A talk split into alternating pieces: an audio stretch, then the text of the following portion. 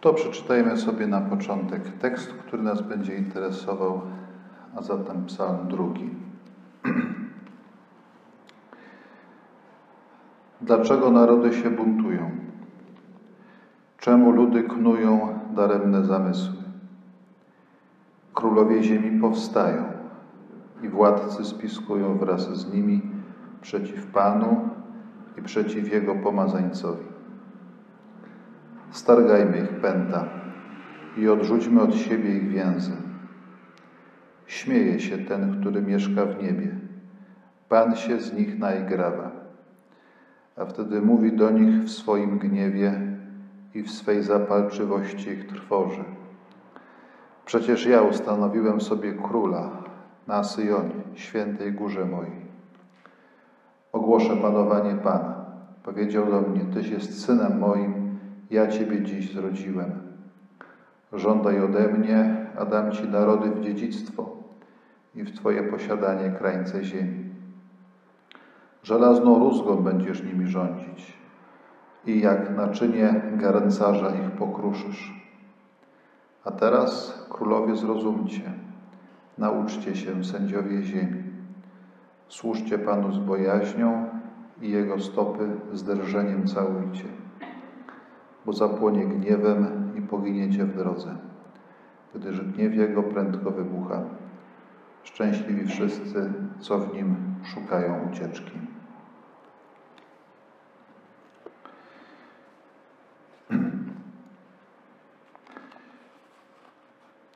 Na samym początku psałterza, już w psalmie drugim, zostajemy postawieni wobec potęgi Bożego Majestatu.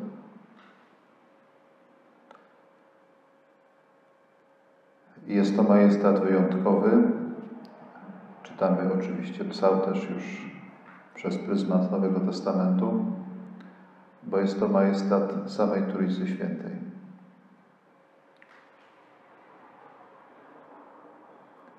Gdybyśmy jeszcze przez chwilę spróbowali popatrzeć na ten psalm przez pryzmat Starego tego Testamentu, to może nam się wydawać, że autor jest co najmniej zuchwały. Dlatego, że pisze o królu izraelskim, który był malutkim królewiątkiem maleńkiego państewka, wciśniętego pomiędzy dwie potęgi, pomiędzy Egipt a zmieniające się na północy państwa syryjskie, babilońskie, potęgę państwa chetyckiego. I zarówno Królestwo Północne, jak i Królestwo Południowe Izraela to był tylko drobny pionek na wielkiej mapie politycznej tego świata. Wielki, mały pionek w wielkiej grze, który sam z siebie niewiele mógł zdziałać. A tutaj psalmista jakby uzurpuje sobie prawo do tego, żeby ten król zasiadający w Jerozolimie był synem samego Boga i żeby miał władać wszystkimi władcami świata.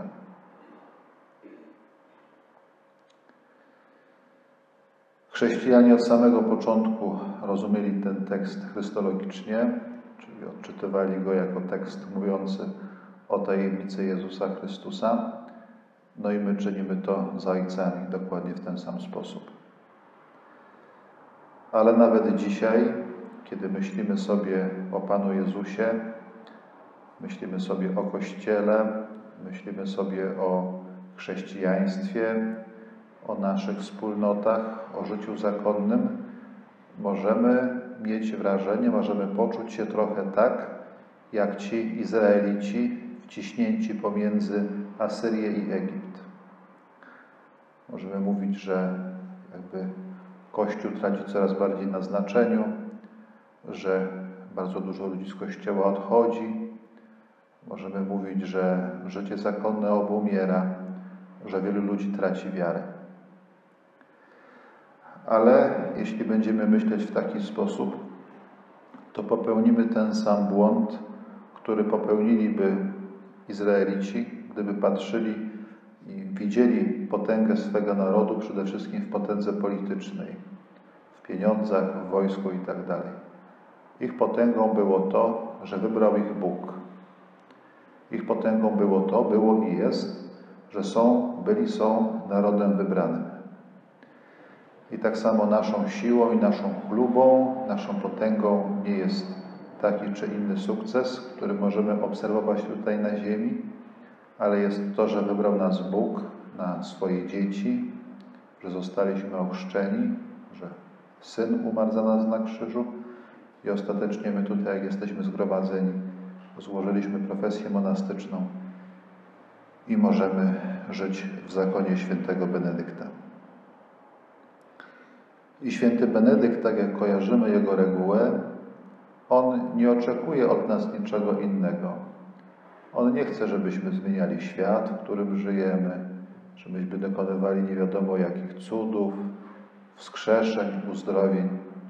On oczekuje od nas tylko jednego, czy też aż jednego, że zaangażujemy się w podtrzymywanie Bożej chwały, jeśli można tak powiedzieć. Czyli całe nasze życie poświęcimy na to, żeby Boża chwała na tym świecie była głoszona. A to dzieje się przez nasze wierne życie w klasztorze, w klauzurze, według reguły i oddawanie się Bożemu oficjum. My, dzieci świętego Benedykta, to mamy przede wszystkim za zadanie zrobić. I kiedy również dzisiaj widzimy, że to Boże Panowanie napotyka na opór ze strony świata, to jedyną odpowiedzią synów i córek świętego Benedykta będzie jeszcze głębsze poświęcenie się Bogu. Siostry na pewno znają tę praktykę, chociażby jedną z najprostszych obok zwykłego takiego naszego angażowania się, ale myślę, że nasz drobny kamyczek, który my możemy zrobić, to są regularne odnawianie ślubów zakonnych, jakby oddawanie, oddawanie, poświęcenie się Panu Bogu na nowo z całym zaangażowaniem, z którym wkroczyliśmy na tę drogę. Więc ten psalm opisuje pewną sytuację paradoksu. Chrystus Pan, który jest najpotężniejszy na świecie, a z drugiej strony wydaje się, że Jego panowanie jest zagrożone. I my jesteśmy tego świadkami, także dzisiaj.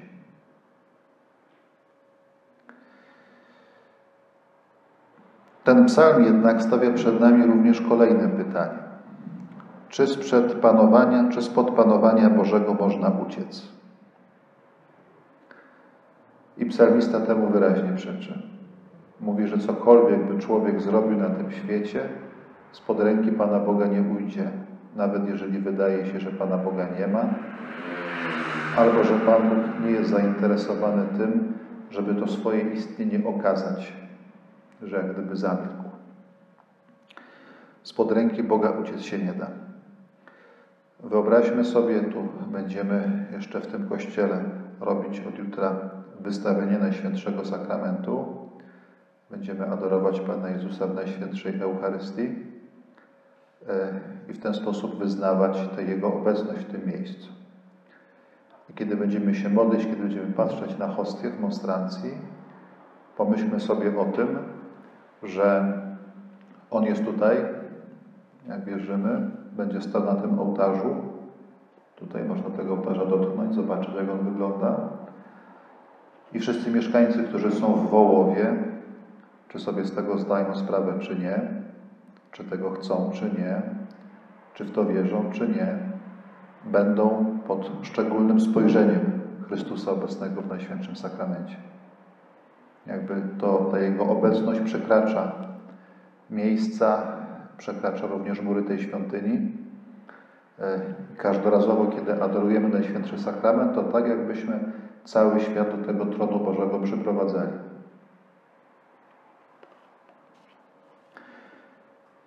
Z drugiej strony ta Boża obecność pokazuje, jak to panowanie Pana Boga jest łagodne, jak to panowanie Pana Boga jest słodkie, jak Pan Jezus wobec całego świata jest cierpliwy. I patrząc na hostię wystawioną w Najświętszym w monstrancji, możemy jeszcze raz sobie przypomnieć te słowa, które Jezus mówił w Ewangelii Mateusza: Przyjdźcie do mnie wszyscy. Jest to zaproszenie. Na początku samym jest to wezwanie. Z drugiej strony pomyślmy, bo ten psalm mówi bardzo wyraźnie o różnego rodzaju mm, buntach, które mogą nastąpić wobec Bożego panowania, sprzeciwach wobec Bożej ekonomii. I zachęcam siostry do tego, żeby sobie przeczytać ten psalm drugi jeszcze raz, właśnie zobaczyć ten nacisk Boga na to panowanie Jego umiłowanego Syna i jako taki modelowy tekst biblijny, który mówi nam o zamiarach wrogich Bogu, czy o buncie przeciwko Bogu, przeczytać sobie urywek 11 rozdziału Księgi Rodzaju, kiedy czytamy o budowniczach wieży Babel.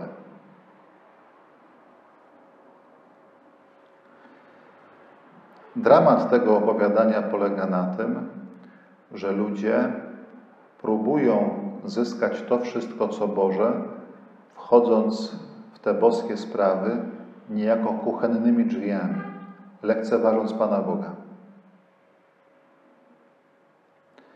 Z jednej strony ten Pan Bóg jest im jakoś tam potrzebny, oni to intuicyjnie wyczuwają, że tego Pana Boga pragną, że chcą Bożego przebaczenia, łakną Bożego towarzystwa, że Bóg jest, że oni są do Pana Boga podobni. Nie? To jest jakby nauka, która jest, zawiera się w Biblii. Natomiast droga, którą wybierają, ażeby ten cel osiągnąć, no, jest niejako Pana Boga lekceważąca.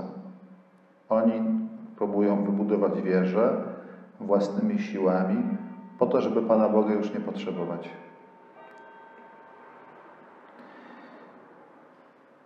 Dlatego właśnie tutaj w tym psalmie czytamy o tym bardzo głębokim sprzeciwie, który Pan Bóg wyraża wobec takich prób e, i to jest e, wyrażone bardzo takim może szokującym nas w pierwszej chwili e, stwierdzeniem śmieje się ten, który mieszka w niebie. Pan się z nich naigrawa. Pomyślmy o Panu Bogu, który się śmieje. Pomyślmy o Panu Bogu, który ludzi pod tą wieżą Babel rozproszył dla ich własnego dobra e, i który również pozostaje nieosiągalny dla takich ludzkich tylko prób dotarcia do Niego. Być może również w naszym życiu miały miejsce podobne próby. Próbowaliśmy Pana Boga zdobyć niejako podstępem, próbowaliśmy Go zmusić do różnego rodzaju rzeczy, być może próbowaliśmy Go szantażować w taki czy inny sposób, żeby wreszcie zrobił to, czego od Niego oczekujemy. A tajemnica wieży Babel mówi nam o czymś odwrotnym, że Pan Bóg nie ulega szantażowi, Pan Bóg nie ulega postępowi, ale Pan Bóg jest tym, którego serce jest niezwykle miękkie na ludzkie prośby i na serce pełne pokory. Być może to jest droga do tego, żeby próbować wejść właśnie, nie od kuchni, tylko lepiej jakby wprost tymi głównymi frontowymi drzwiami.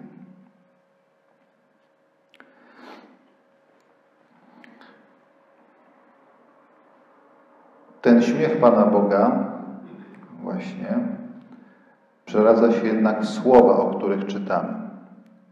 W psalmie czytamy tak.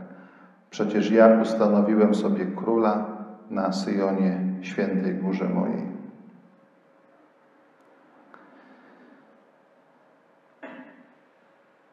Ten wiersz odsyła nas do tego wszystkiego, co Pan Bóg zrobił dla ludzkiego zbawienia. Innymi słowy, Pan Bóg aby mówił w tym psalmie w ten sposób. Zamiast próbować osiągnąć mnie według własnego tylko pomysłu, zamiast próbować osiągnąć mnie jakimiś pseudotechnikami, czy właśnie szantażem, w inny taki czy inny sposób, o wiele lepiej będzie, jeżeli pójdziecie do mnie drogą, którą ja sam przygotowałem, a którą jest Chrystus Pan. Ten, którego ustanowiłem królem na Syjonie, świętej górze mojej. Tutaj w kaplicy u sióstr jest wyjątkowa figura, która syntetycznie podkreśla, czy podsumowuje właśnie ten, tę obietnicę, czy to przypomnienie Boże, jaką jest figura serca Pana Jezusa. My myślimy często, mówimy często o tajemnicy Chrystusa Króla. Mamy zresztą taką uroczystość w Kościele, ale modlimy się również do serca Jezusowego przyjdź Królestwo Twoje. I w tej tajemnicy Bożego Serca, właśnie tak jak tutaj ten artysta to wyobraził, Pan Jezus, który pokazuje swoje ludzkie serce, ludzkie serce boskie też, zawarta jest jakby cała tajemnica boskiej miłości, ale też i Boże pragnienie, żeby człowiek stał się mieszkańcem nieba. To jest pewien paradoks. Ludzie próbowali wejść do nieba przez skonstruowaną przez siebie wieżę Babel, a tymczasem Pan Bóg przygotował do bramy, do nieba inną bramę, która nie wiedzie przez wieżę Babel, ludzką konstrukcję, ale wiedzie przez, przez Chrystusowy krzyż, który jest taką nową drobiną Jakubową. I tajemnica serca Jezusa o tym właśnie przypomina. To jest też jakby poruszające w tych wszystkich obrazach czy figurach serca Bożego, które są na tym świecie przedstawione, bo normalnie, kiedy ludzie spacerują, tego serca nie widać, prawda? A na tych wszystkich obrazach tak jest to właśnie pokazane. Jezus jako dorosły mężczyzna, u którego pierwsze, co się zrzuca w oczy, to widoczne serce.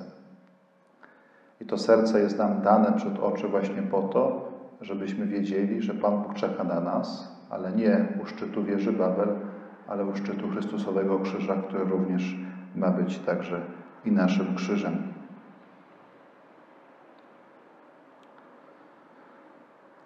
Pan Bóg się śmieje z tego, że ludzie mówią o Panu Bogu, że mówią o Nim, stargajmy ich węzy, precz odrzućmy ich pęta.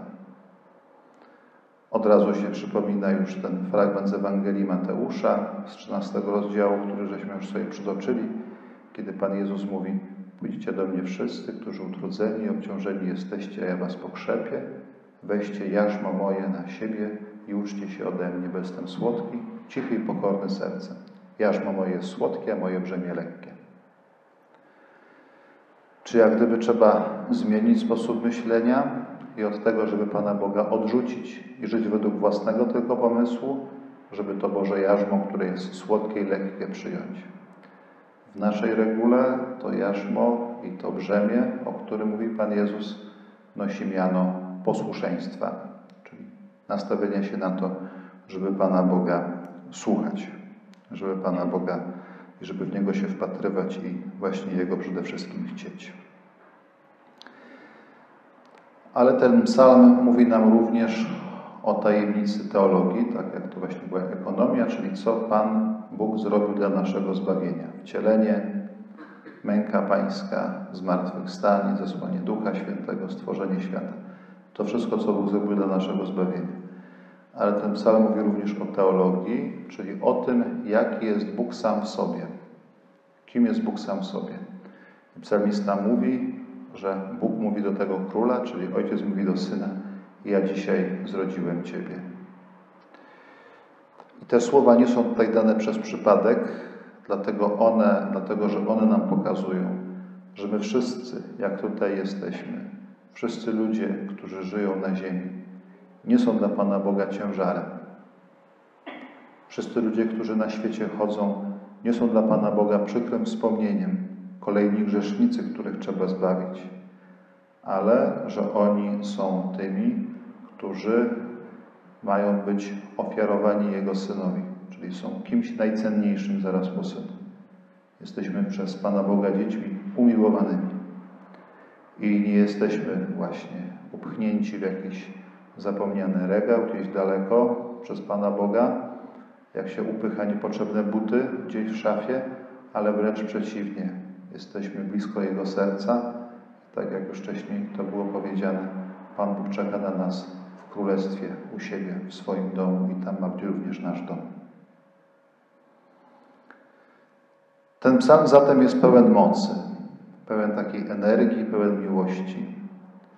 On ma nami potrząsnąć po to, żebyśmy wobec tej tajemnicy serca Jezusowego nie pozostali obojętni. Żebyśmy wobec tajemnicy Bożego miłosierdzia, które przyciąga do siebie każdego człowieka, nie pozostali obojętni.